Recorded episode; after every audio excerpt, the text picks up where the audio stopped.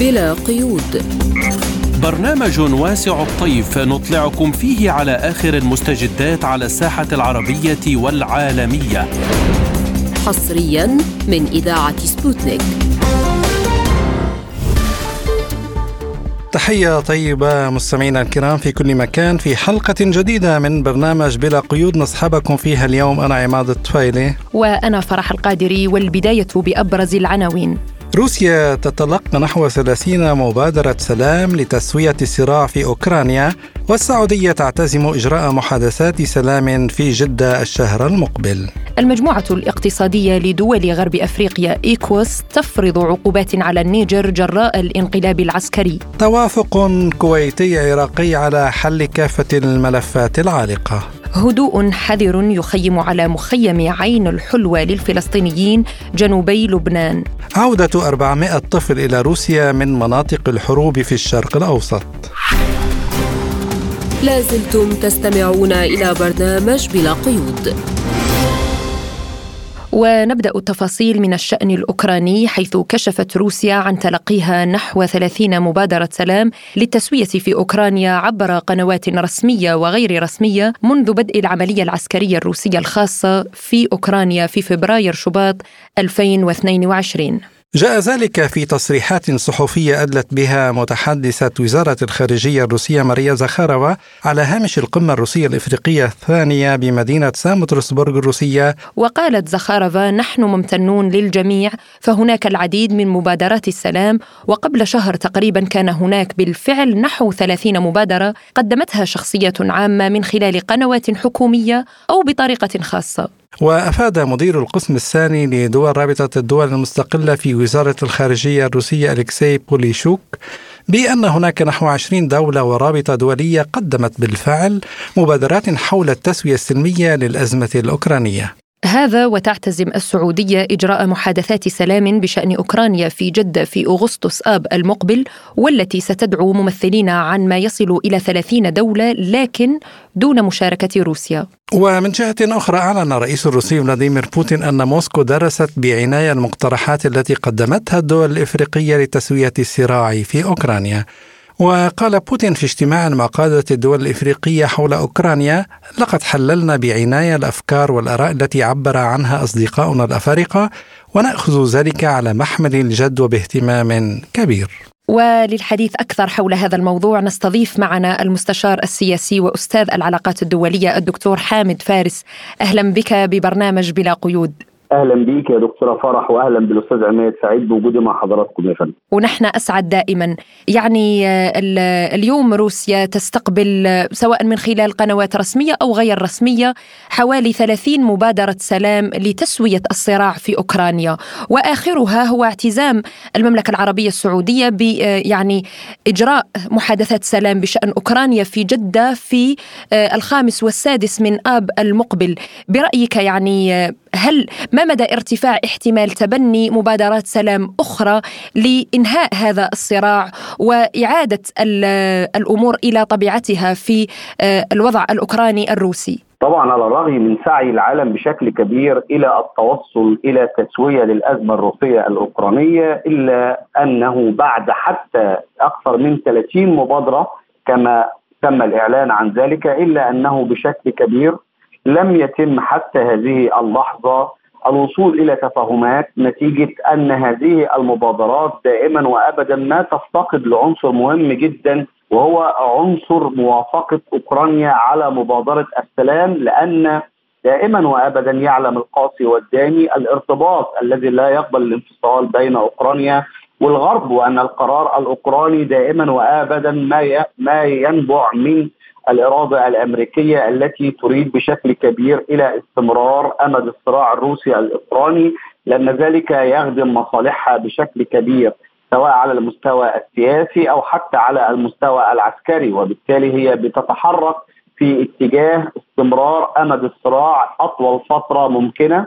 وفي ظني وتقديري رغم المبادرة السعودية الأخيرة اللي هتنعقد في 5 و6 أغسطس القادم ارى أنها لن تحقق أي جديد حتى وإن كانت بمشاركة أكثر من 30 دولة أو يعني مسؤولي رفيع المستوى مستشارين للأمن للأمن القومي في هذه الدول إلا أن الأمور لن يتم حلها بهذه الطريقة، روسيا لديها ثوابت في إنهاء هذه ال ال ال الأزمة وهي عدم تهديد امنها القومي بشكل واضح وعلى الناحية الأخرى أوكرانيا دارت في الفلك الغربي وتريد الاضرار بروسيا. نعم آه، هنا فقط آه، المملكة العربية السعودية تريد إقناع الصين بالمشاركة في قمة جدة واستثنت روسيا من هذا هذا الأمر. يعني ما دلالة ذلك؟ السؤال يطرح نفسه هنا. سؤال مهم جدا يا دكتورة فرح. طبعا يعني هناك ضغط كبير لأن أكثر المبادرات أو أغلب المبادرات الأخرى الصين يعني آه، علاقتها الاستراتيجيه مع الجانب الروسي. وكان لها مبادرة مهمة جدا واتهمت من قبل الغرب بشكل واضح لكي يعني قالت أنها محسوبة على الطرف الروسي وبأن المبادرة الصينية لم تكن محايدة. يعني قتلوا ووأدوا هذه المبادرة حتى قبل التباحث بشأنها. الآن تسعى السعودية إلى إقناع الصين بالمشاركة في هذه التسوية على اعتبار أن العلاقات الصينية الروسية هي علاقات قوية ومتينة وقوية وهناك تناغم في العلاقات الروسية الصينية لأنه يعني آه، آه، العدو واحد وهو العدو الأمريكي الذي يريد تهديد الأمن القومي الصيني من خلال جزيرة تايوان والتهديد الأمن القومي الروسي من خلال أوكرانيا. وبالتالي مشاركة آه، آه، روسيا مشاركة الصين عفوا في هذه القمة ستعطيها زخما جديدا. من الممكن جدا أن يتم التوافق بين الدول وإعداد وثيقة تكون هي الوثيقة الحاكمة في المشهد الدولي. ويتم التباعث مع الجانب الروسي فيما يخص هذه الوثيقة لتحقيق انفراجه ولكن أرى أن روسيا تمد يدها دائما بالسلام. وحتى يعني لا نتهم أن إحنا أننا مع الجانب الروسي، روسيا طرحت أكثر من مرة وكان في بداية المفاوضات يعني آه، آه، جولات كثيرة من المفاوضات عقدت في تركيا وكان قاب قوسين أو أدنى من الوصول إلى تفاهمات لولا التدخلات الأمريكية في هذا التوقيت وضربت المفاوضات في مقتل ولم يتم التنسيق بعد ذلك في مفاوضات حقيقية نتيجة ضغط الولايات المتحدة الأمريكية على أوكرانيا واعتبارها ورقه ضغط حقيقية للضغط على الجانب الروسي. نعم دكتور حامد يعني نظمت في العاصمة الهولندية أمستردام مسيرة شعبية ضد توريد الأسلحة لأوكرانيا، يعني هل يمكن أن نرى مثل هذه الاحتجاجات في دول أوروبية أخرى؟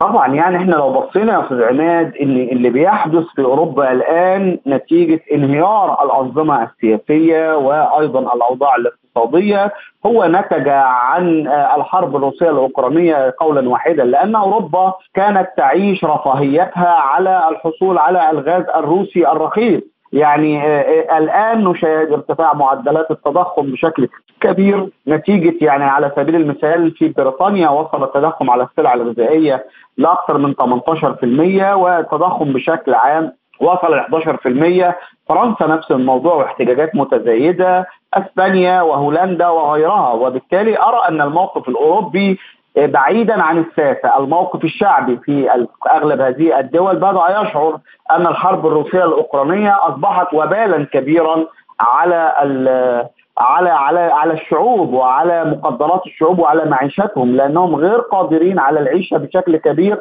لأن الولايات المتحدة الأمريكية استغلت هذه الأزمة لتحقيق أكبر المكاسب السياسية والاقتصادية سواء بعودة هيمنتها مرة أخرى على أوروبا واعتبارها تابع لها أو من الناحية الاقتصادية لأنها بتورد الغاز الأمريكي بأربع أضعاف الغاز الروسي.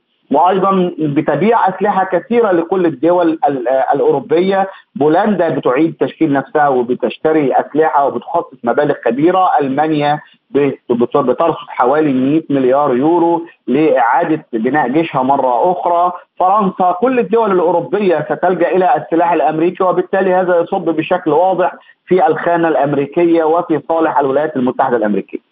نعم دكتور حامد الرئيس فلاديمير بوتين قال إنه لا يريد صداما مع الناتو ولكن إن كان هناك من يرغب في ذلك فنحن مستعدون. برأيك اليوم هل نحن أمام حتمية انتصار روسيا في هذه المواجهة مع الغرب؟ يعني في ظني وتقديري أن أغلب الشواهد على واقع الأرض بتدل بشكل واضح يا أستاذ عماد إلى اقتراب أن يكون هناك اتساع لرقعة الصراع مبدئيا، روسيا لا ترغب في مواجهة مباشرة مع الغرب بشكل واضح ولكن كل المظاهر وكل التصرفات والإجراءات التي بتتخذ من قبل بولندا على سبيل المثال اللي بتطلب من الولايات المتحدة الأمريكية نشر آه، قوات نووية أو قواعد نووية أو أسلحة نووية تكتيكية على أراضيها، عدم تمديد اتفاق الحبوب والسعي من قبل الولايات المتحدة والغرب إلى عسكره البحر الأسود، آه، اتساع رقعة الصراع واستمرار الغرب بشكل واضح بإمداد أوكرانيا بالسلاح والعتاد.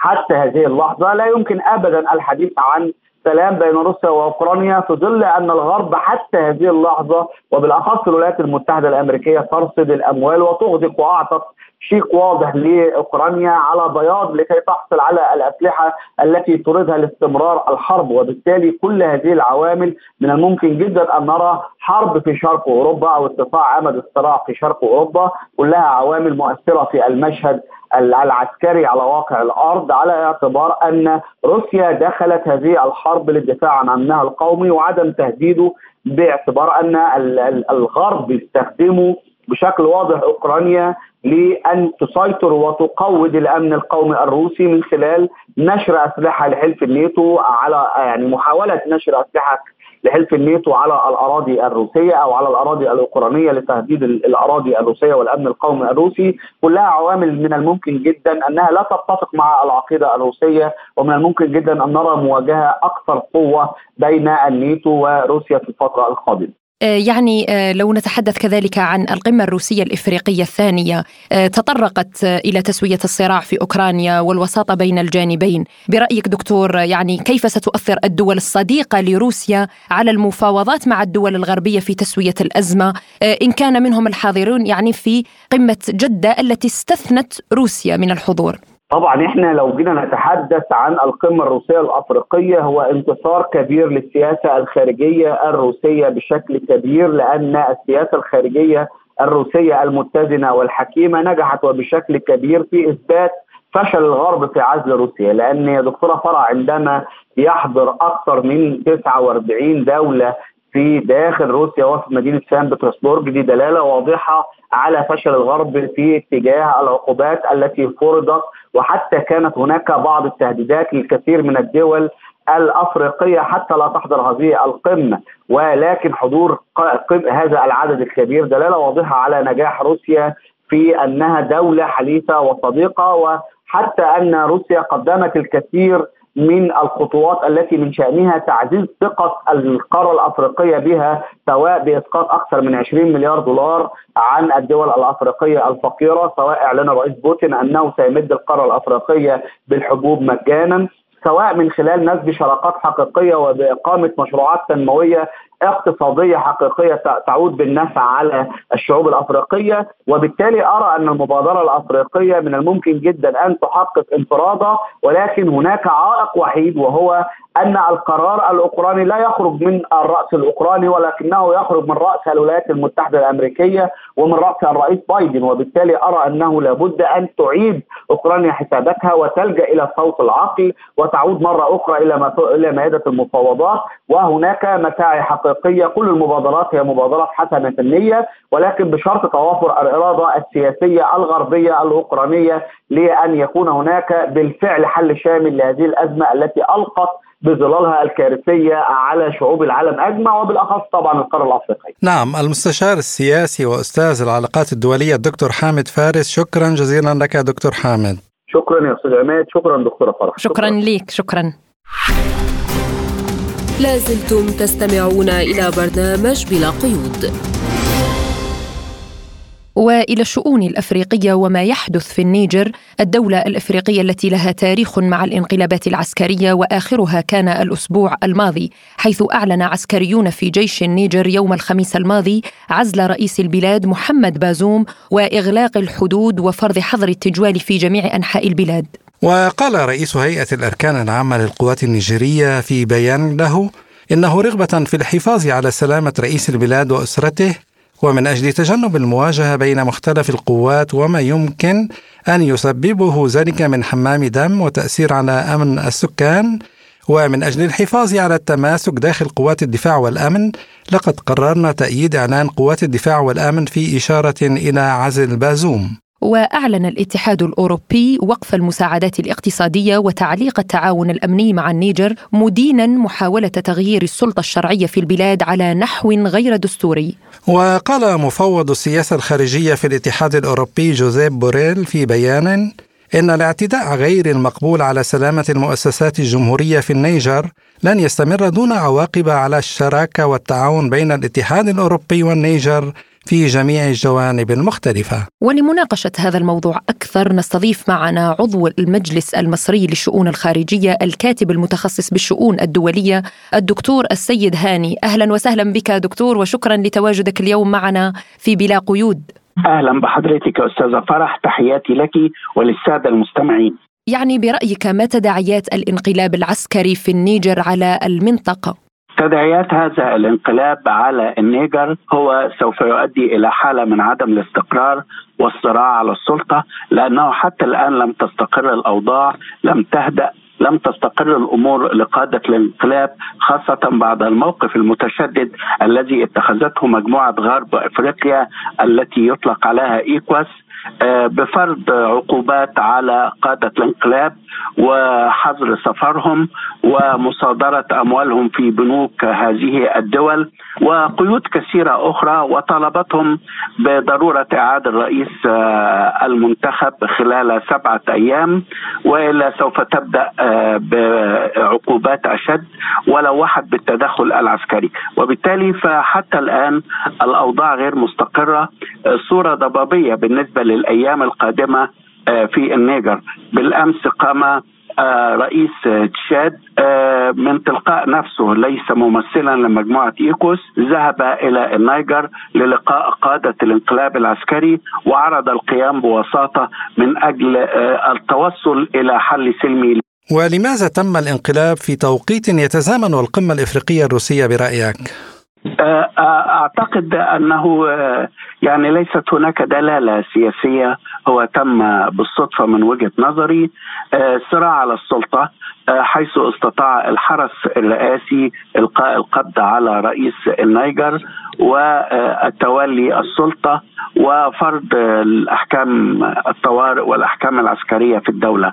ولكن يعني تحاول بعض الدول الأوروبية إلصاق تهمة لروسيا بأنها هي التي خططت لهذا الانقلاب أو أنها تقف وراء هذا الانقلاب خاصة أن بعض المظاهرات اتجهت إلى السفارة الفرنسية ترفع الإعلام الروسيه نعم يعني كما أشرت آلاف المتظاهرين رفعوا العلم الروسي أمام السفارة الفرنسية وهتفوا باسم الرئيس الروسي فلاديمير بوتين هل من الممكن أن تلعب برأيك روسيا دورا في وقف هذا الانقلاب وتسوية الوضع هناك؟ المطلوب هو تسوية الأوضاع بطريقة سلمية لأنه ليست هناك فرصة لوقف الانقلاب بشكل فوري أو باستخدام القوة وإنما التوصل إلى تسويه سلميه بين قادة الانقلاب والرئيس الذي تمت الإطاحة به. أو إجراء انتخابات في الدولة لانتخاب رئيس جديد. أما بالنسبة لرفع الأعلام الروسية أمام السفارة الفرنسية والهتاف باسم الرئيس بوتين هذا لأنه شعب أوكرانيا ومعظم الشعوب الإفريقية تحترم روسيا وتحترم الرئيس بوتين. روسيا لم تتدخل يوما ما في الشؤون الداخلية للدول الإفريقية. لم تفرض شروطا تقرنها بأية مساعدات تقدمها إلى الدول الروسية. روسيا بتربطها روابط تاريخية قوية بمعظم الدول الروسية حيث ساعدتها على الاستقلال من الاستعمار والتخلص من الإمبريالية. روسيا تدرك تماما أن أفريقيا لديها ثروات ضخمة وأن دول الاتحاد الأوروبي تقوم باستنزاف هذه الثروات ولا تقدم أي مقابل أو أي اعتناء واهتمام بمشروعات البنية التحتية وبالمرافق الأساسية لشعوب هذه الدول. فشعوب هذه الدول تعاني من أعمال السخره في استخراج المناجم والثروات آه، في استخراج المعادن والثروات من المناجم بأقل الأجول بأقل الأجور ولا توجد آه، أي رعاية أو اهتمام بهم صحيا أو ماديا. ولذلك فيمكن القول أن الاستعمار الأوروبي ما زال جاسما على بعض الشعوب الإفريقية ليس فقط من آه، خلال التواجد العسكري في بعضها ولكن الأخ أهم من ذلك هو التواجد من خلال استنزاف ثرواتها الطبيعية دون مقابل يذكر. آه، رفع أعلام روسيا والهتاف باسم الرئيس بوتين آه، هؤلاء الذين رفعوا الأعلام يريدون أن يستنجدون بمساعدة من روسيا في مواجهة التهديدات التي أطلقها الرئيس الفرنسي إيمانويل ماكرون والتي هدد فيها بالتدخل العسكري. هم يريدون دعم من روسيا من أجل حماية مصالحهم وحماية حقهم في الحرية والاستقلال والاستفادة من الثروات الطبيعية التي يتمتعون بها. المعروف أن النيجر لديها مخزون كبير جدا من اليورانيوم وتكاد المشروعات النووية في كثير من الدول الأوروبية تعتمد على اليورانيوم الذي يتم استخراجه من النيجر. النيجر كما تعلم يعني تعد من أفقر الدول في العالم ولكن الحقيقة أن ثرواتها تساهم في تمويل جزء كبير من مشروعات فرنسا من الطاقة النووية وتزودها بالطاقة الكهربائية برأيك لماذا هذا النهب للدول الفقيرة؟ وهذا ما نادت به القمة الروسية الإفريقية في حق تحرير الشعوب.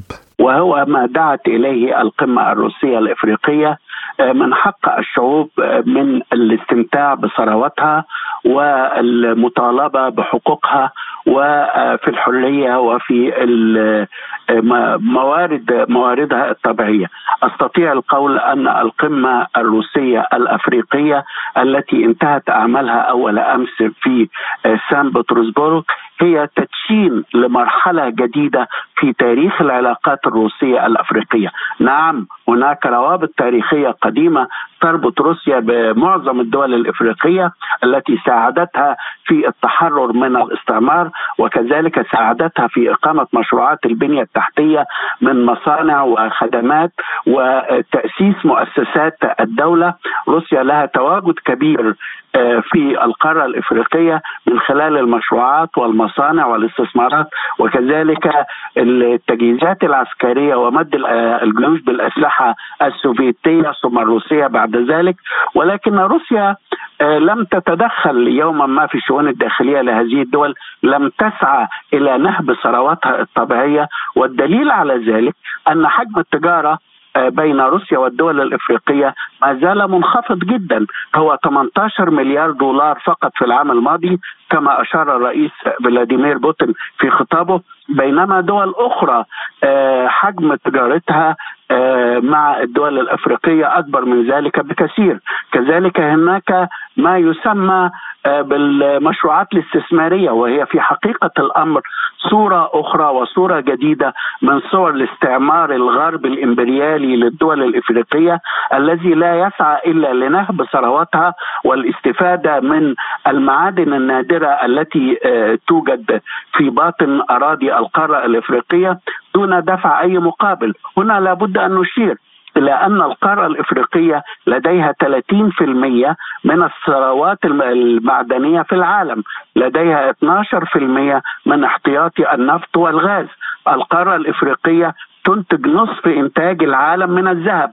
القارة الإفريقية هي يعني تنتج كميات ضخمة أو معظم إنتاج العالم من الكوبالت آه، يخرج من باطن أرض القارة الإفريقية والكوبالت هو المادة الأساسية في تصنيع البطاريات التي تعمل بها السيارات الكهربائية وتصنيع البطاريات التي تعمل بها الهواتف وتصنيع البطاريات التي تستخدم في صناعة الصواريخ وكثير من الأسلحة وبالتالي فالدول الغربية تعتمد في صناعة الأسلحة وفي إنتاج الطاقة النووية وفي معظم صناعتها على المواد الطبيعية والمعادن التي تستخرج من القرى من الدول الأفريقية. ومع ذلك الدول الأفريقية والشعوب الأفريقية لا تحصل إلا على النظر القليل جدا مقابل هذه المعادن. وللأسف الشديد حتى عندما يضطر شباب الدول الإفريقية للهجرة لما يسمونه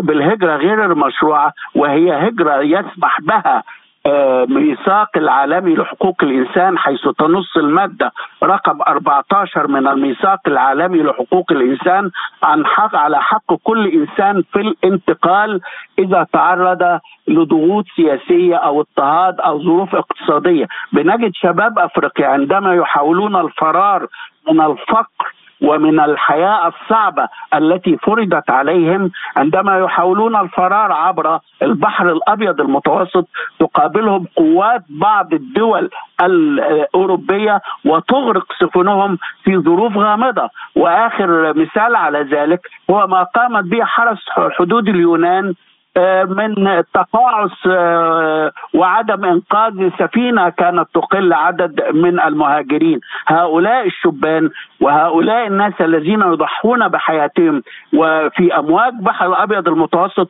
هم لم يذهبوا رغبة في احتلال أوروبا أو في استنزاف ثرواتها أو في القيام بدور سياسي في الدول الأوروبية. ولكنهم يفرون من الحياة الصعبة والظروف الاقتصادية والظلم الذي يتعرضون له في بلادهم بسبب استنزاف الدول الأوروبية لهذه الثروات. وللأسف الشديد خطط الدول الأوروبية في استنزاف الدول الأفريقية يقابلها فساد بعض الأنظمة الأفريقية التي تتواطأ مع الدول الأوروبية وأحيانا يتحول حكام بعض الدول الأفريقية إلى عملاء لبعض الدول الأوروبية ويساعدونهم على استغلال ونهب ثروات بلادهم. عضو المجلس المصري للشؤون الخارجية الكاتب المتخصص بالشؤون الدولية الدكتور السيد هاني شكرا على هذه المداخلة.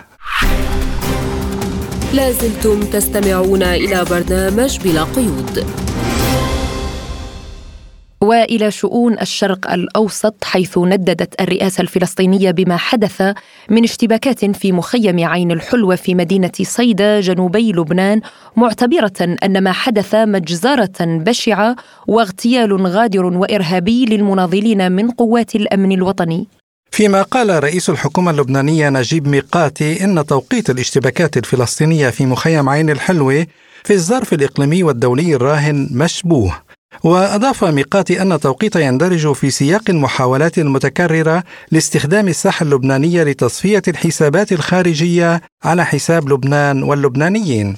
وأدت الاشتباكات التي اندلعت مؤخرا إلى مقتل ستة فلسطينيين بينهم قائد عسكري في حركة فتح وأصيب حوالي عشرين نتيجة تبادل مكثف لإطلاق النار بقذائف صاروخية.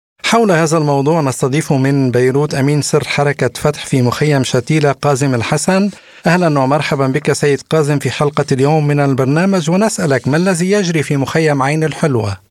نحن يعني كشعب فلسطيني داخل التجمعات الفلسطينية بكل لبنان يعني نحافظ بدرجة الأولى على الأمن الفلسطيني والأمن اللبناني ونحن بشكل متوازي دائما ننسق مع الأجهزة اللبنانية ذات الشأن لأنه أول شغل السيادي للبنان وأمن المخيمات هو من أمن لبنان وبالتالي نحن في توافق مع كل الجهات اللبنانية لأجل هذا الموضوع. ما يحصل بالمخيمات هو هناك بعض الجماعات التكفيرية التي تحمل رسائل محددة ضد السيادة اللبنانية وضد التواجد الفلسطيني وهن يختاروا المناطق اللي مش موجود فيها الدولة اللبنانية بشكل مباشر كالمخيمات وبالتالي نحن يعني السيادة للبنان ووضع لبنان جدا حرج.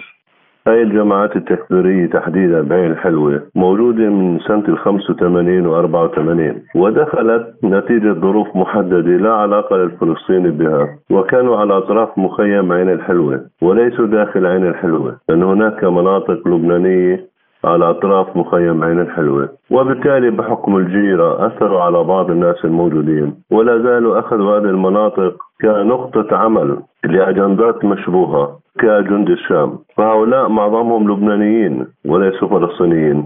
ويستغلوا هذا المكان وكانت هناك أحداث كثيرة مع الدولة اللبنانية من هذه الجماعات. والآن هو يؤثر على الجانب الفلسطيني. لهذا السبب آه، نحن ضد هذا الموضوع ونتعامل مع الدولة اللبنانية لأجل إنهاء هذا الواقع ومنع هذه الجماعات التكفيرية أن تأخذ المخيمات ولبنان إلى مكان مجهول. سيد كاظم يعني رئيس حكومة لبنان اعتبر أن توقيت الاشتباكات مشبوه. هل تتفق معه في هذا الاستنتاج أو هذه الرؤية؟ الأمريكان آه، الآن بالوقت الحاضر يحشدوا بسوريا وما يحصل بمحاولة آه، الاعتداء على إيران وما يحصل من من استعدادات إسرائيلية على الحدود الشمالية لفلسطين هذه الأمور كلها مترابطة مع بعض ما هذا عدو يعمل. وبالتالي له أدوات يحركها تحت مسميات وبراقات وطنية ودينية. ويستخدم العنصر الديني كسلاح من الأسلحة الموجودة. هذا هذا ما يشير إليه رئيس الحكومة. يعني يعرف أن هناك جماعات تكفيرية.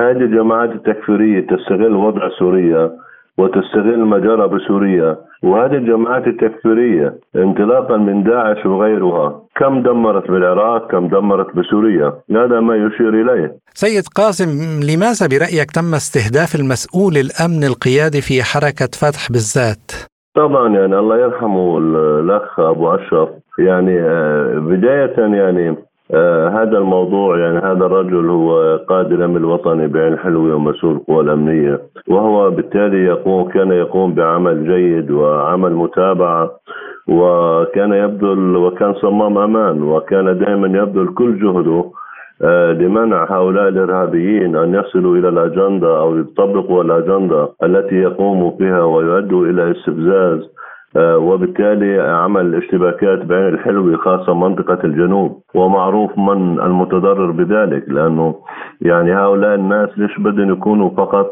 يعني هن مثلا من الطائفة السنية من غير معنى؟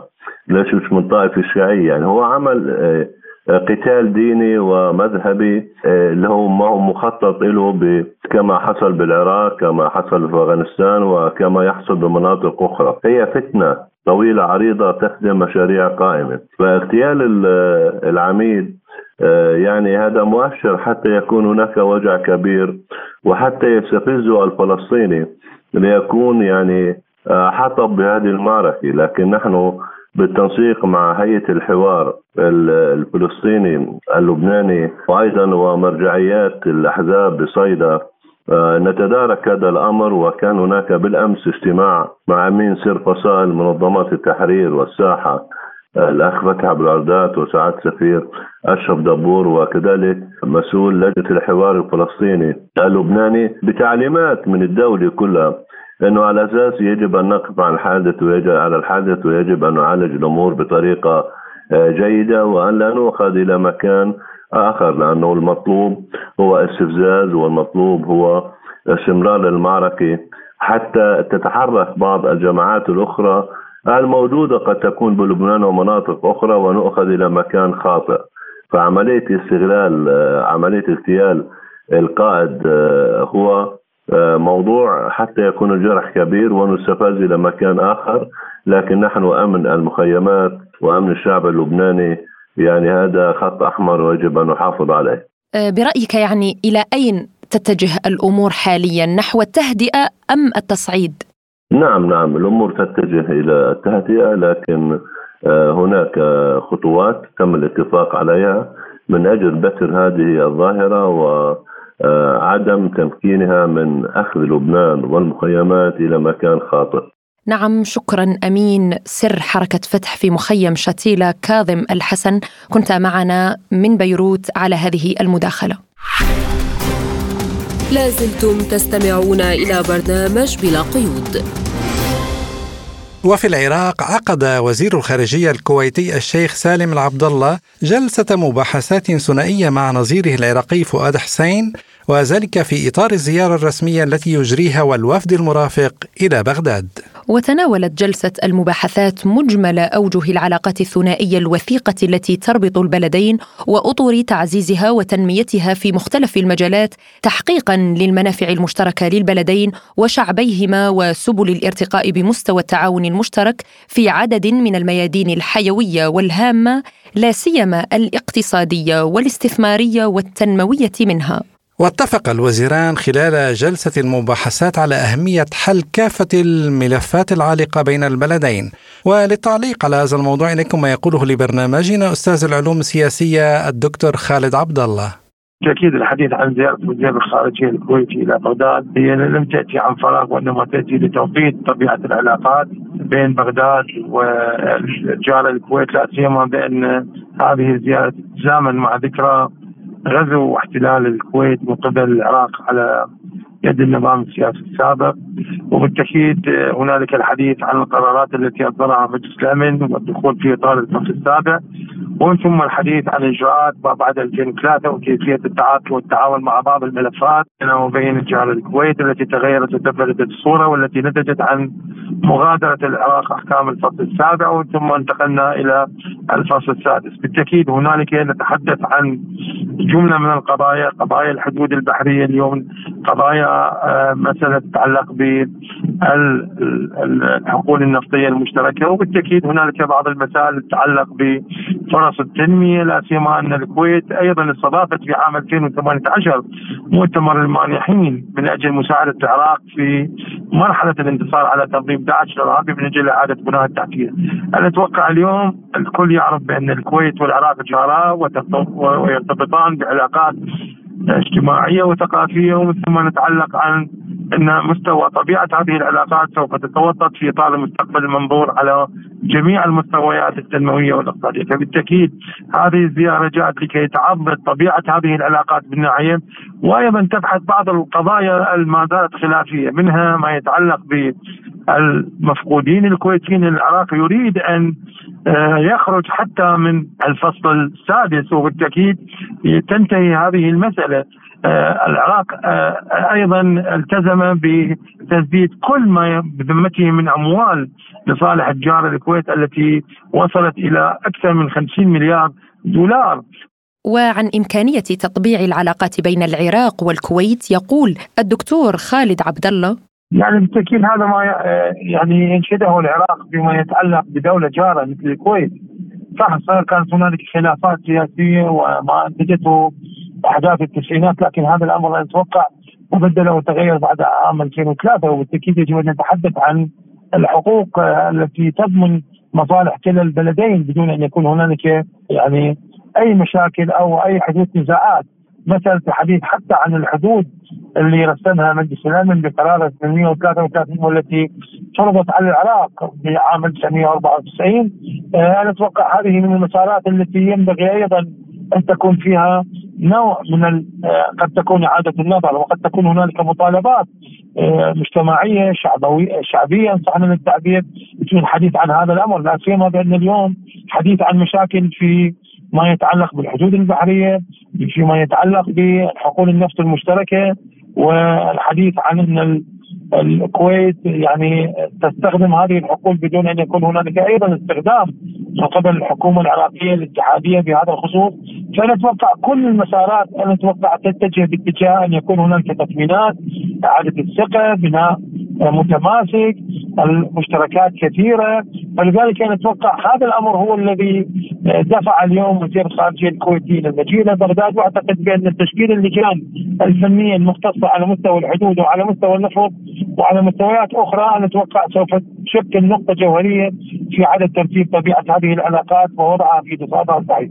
وعن الآفاق المستقبلية للعلاقات الكويتية العراقية يقول الدكتور خالد عبد الله أنا أتوقع بأن العائق هو في إطار آه، يعني الأخوة الكويتيين. بمعنى إن الحديث عن ترسيم الحدود البحرية بدون أن يكون هنالك ظلم للعراق والحديث عن الحقول النفطية المشتركة والحديث عن العوامات اللي نتحدث عنها آه، التي أضيفت أو التي ملتزمة فيها الكويت، أنا أتوقع هذا الأمر يدعونا إلى أن نتجه باتجاه التحكيم الدولي وهذا يستلزم أن يكون موافقة دولة الكويت.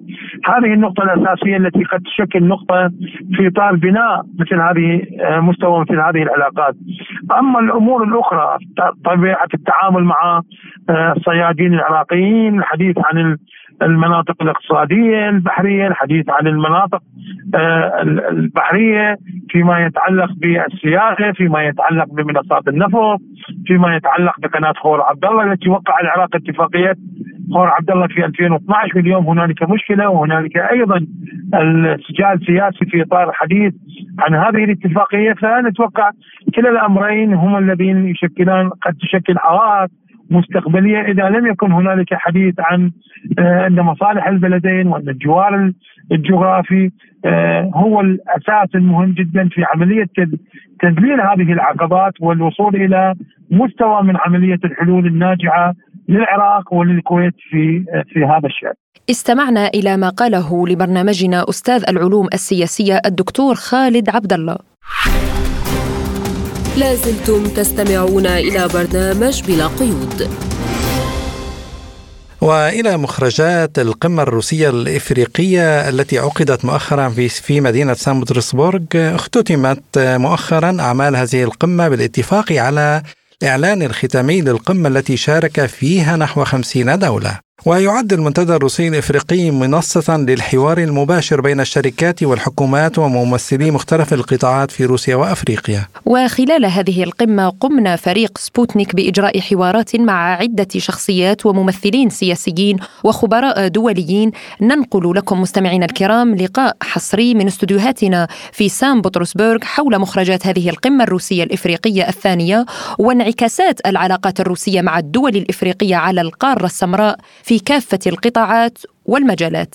ونتحدث أكثر حول مجريات هذا المنتدى والحضور الاقتصادي لعدد كبير من الشركات. ونستضيف معنا في استوديو سبوتنيك عربي آه، معي الدكتور نور ندى أستاذ الاقتصاد بأكاديمية العلوم الإدارية بالقاهرة وأستاذ زائر في جامعة موسكو للتمويل وأيضا أستضيف معي الدكتور عبد العزيز مسعودي المفكر والقيادي في حزب سياسي تونسي أهلا بكما وشكرا لتلبية الدعوة. أهلا بك شكرا شكرا لك. يعني بداية كيف ترون هذه القمة الثانية الروسية الإفريقية؟ آه، آه، في الحقيقة آه، القمة بتأتي في ميعادها وبتأتي ضمن توجهات أساسية في السياسة الخارجية الروسية. وفي نفس الوقت القمة أتت كدعوة من الحكومة الروسية وتلبية لاحتياجات تنمية العلاقات الاقتصادية الروسية الأفريقية التي تنمو بمعدلات في الحقيقة في الفترة الأخيرة بمعدلات عالية جدا. وأعتقد أن أفريقيا نظرا لأنها لا تحمل أي آه، إرث استعماري مع روسيا فهي تستقبل روسيا آه، بحب وبترحاب. وأنا أعتقد ان أفق تطور العلاقات الروسية الأفريقية الاقتصادية ممكنة. لو قدرنا نحل بعض العقبات التي تواجه هذه العلاقة الآن. ممكن الضغط الغربي تقصد أو... ليس فقط الضغط الغربي، أنا أعتقد إن لابد من حضور البنوك الروسية في القارة الأفريقية لابد من فتح فروع للبنوك الروسية في القارة الأفريقية لابد من فتح فروع لشركات التأمين الروسية في القارة الأفريقية آه، لابد من انتظام خطوط الطيران بين موسكو وبين الدول الأفريقية. يعني آه، الإيرفلوت بتغطي ما بتغطيش كل أفريقيا فدي صعوبات في حركة الأفراد وفي حركة البضاعة. أنا أعتقد إن الإمكانيات ضخمة لو قدرنا وفي نفس الوقت على روسيا إنها تطور آه، مراكز مراكزها التجارية في القارة الأفريقية آه، بما يتناسب مع متطلبات المرحلة خاصة أن آه، عدد من المراكز التجارية حقيقة يحمل الكثير من العقد البيروقراطية التي تعيق أحيانا تطور العلاقات الاقتصادية الروسية الأفريقية. نعم يعني دكتور عبد العزيز تونس ماذا تمثل في هذه القمة؟ آه، هل هناك رغبة في الدخول إلى السوق الروسية مثلا؟ أعتقادي أنه آه، يعني آه، هذه القمة والتوجه الروسي نحو القارة الإفريقية مهم جدا ليس فقط لتونس فلمجموعة البلدان الإفريقية وأعتقد أنه حتى. لبلدان العالم الأخرى يعني لبلدان الآسيوية لبلدان قارة أمريكا اللاتينية. فهذه البلدان عانت وتعاني كثيرا من الهيمنة الغربية في إطار ما يسمى بالعالم أحادي القطب.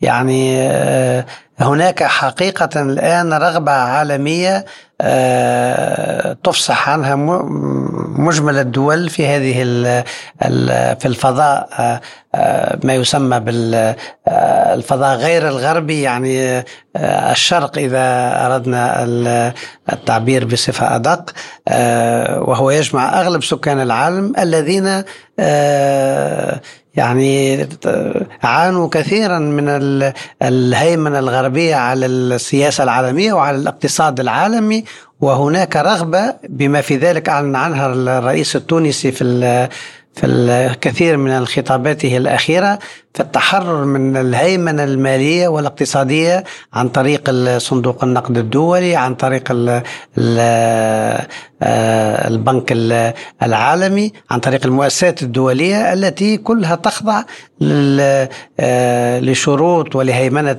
الدول الغربية وشروطها هذه يعني مضرة ومتعبة لاقتصاديات البلدان النامية ومن ضمنها تونس التي لها ديون كبيرة لدى صندوق النقد الدولي وهي الآن تطلب يعني تخفيف قضاء حاجياتها الاقتصادية طالبة آه، يعني قروض قرض معين ولا يمكن آه، لحد الآن لم تنجح في التحصل عليه نظرا للشروط التي غير مقبولة لصندوق النقد الدولي والتي إذا تم تطبيقها في تونس فيمكن أن تكون سبب لهزات اجتماعية واقتصادية يعني نحن في غنى عنها. وهناك أيضا ضغوط على الجانب التونسي بعدة ملفات خصوصا يعني نخر المجتمعات من خلال مثلا زج الكثير من الأفارقة في الحدود التونسية صحيح. سواء من ليبيا من في ظل يعني الصراعات الموجودة في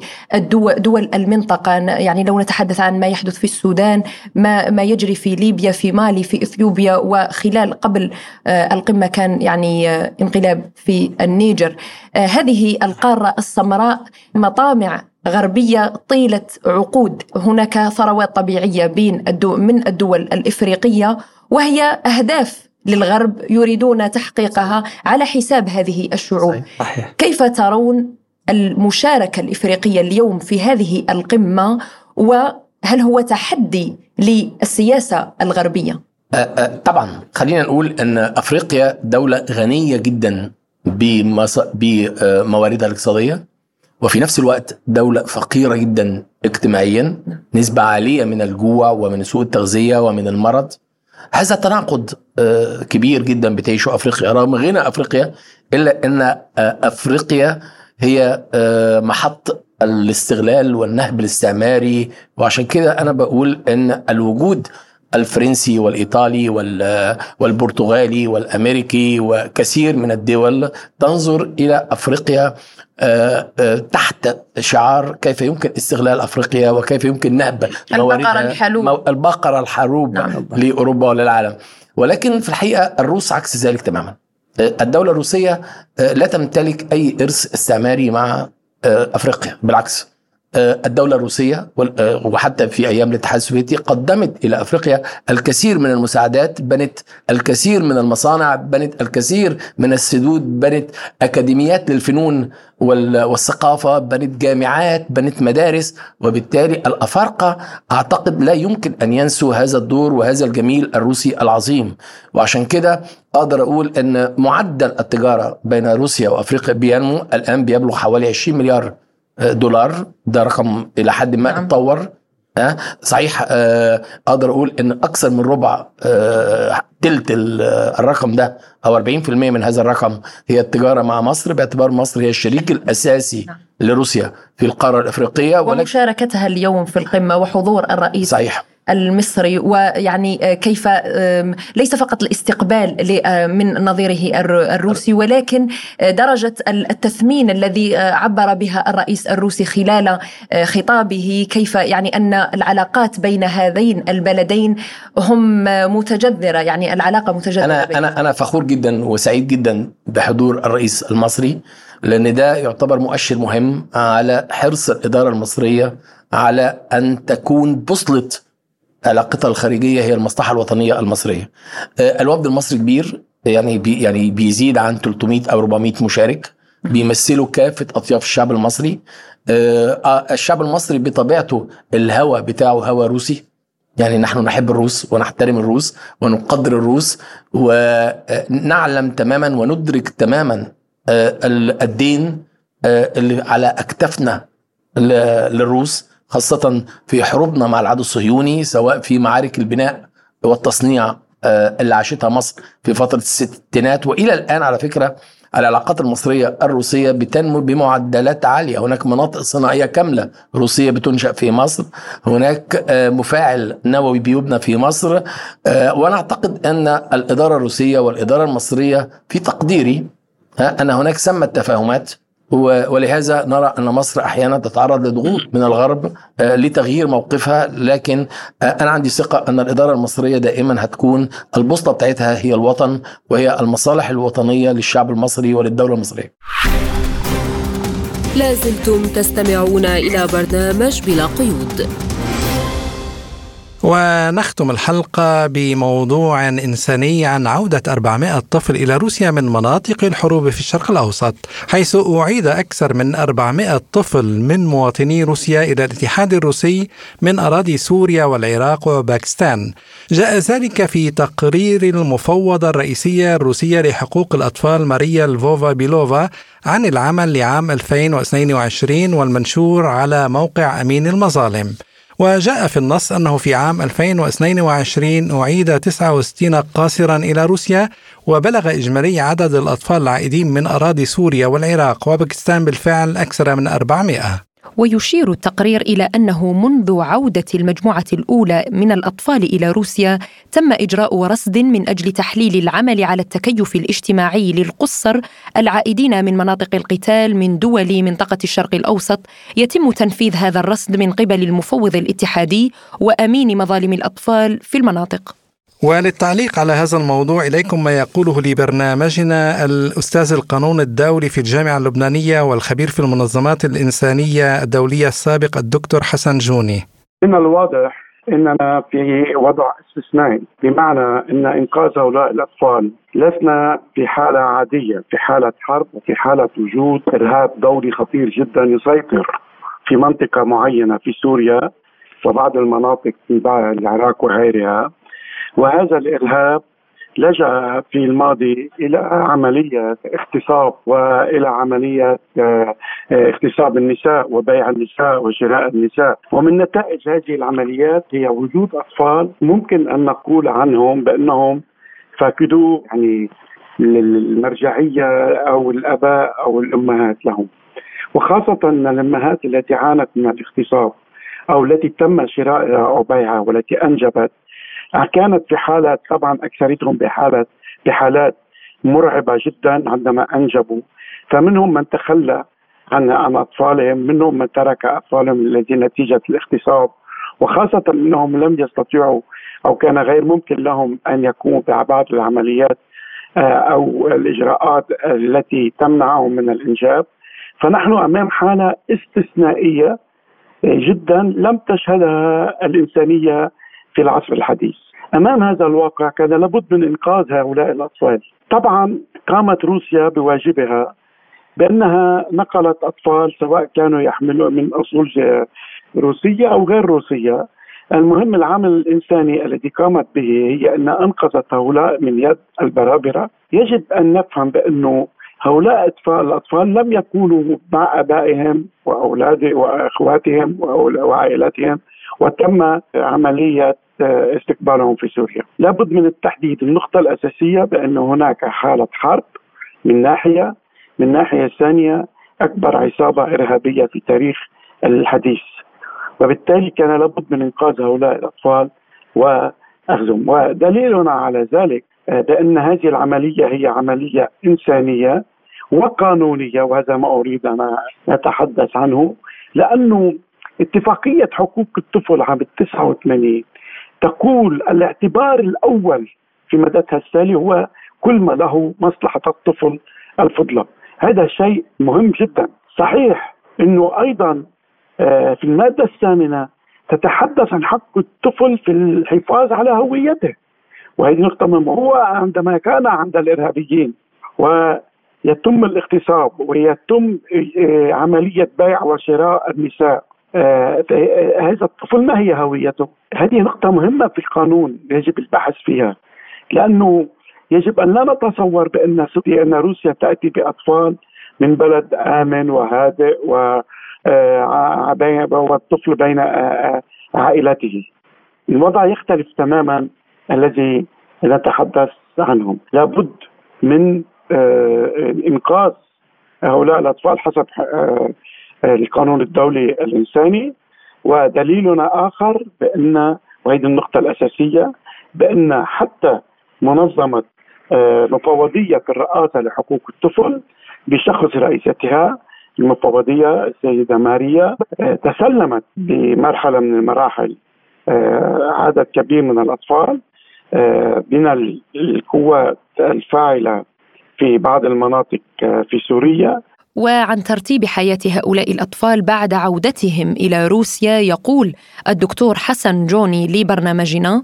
من واجب آه، السلطات الروسية الآن رعاية هؤلاء رعاية إنسانية.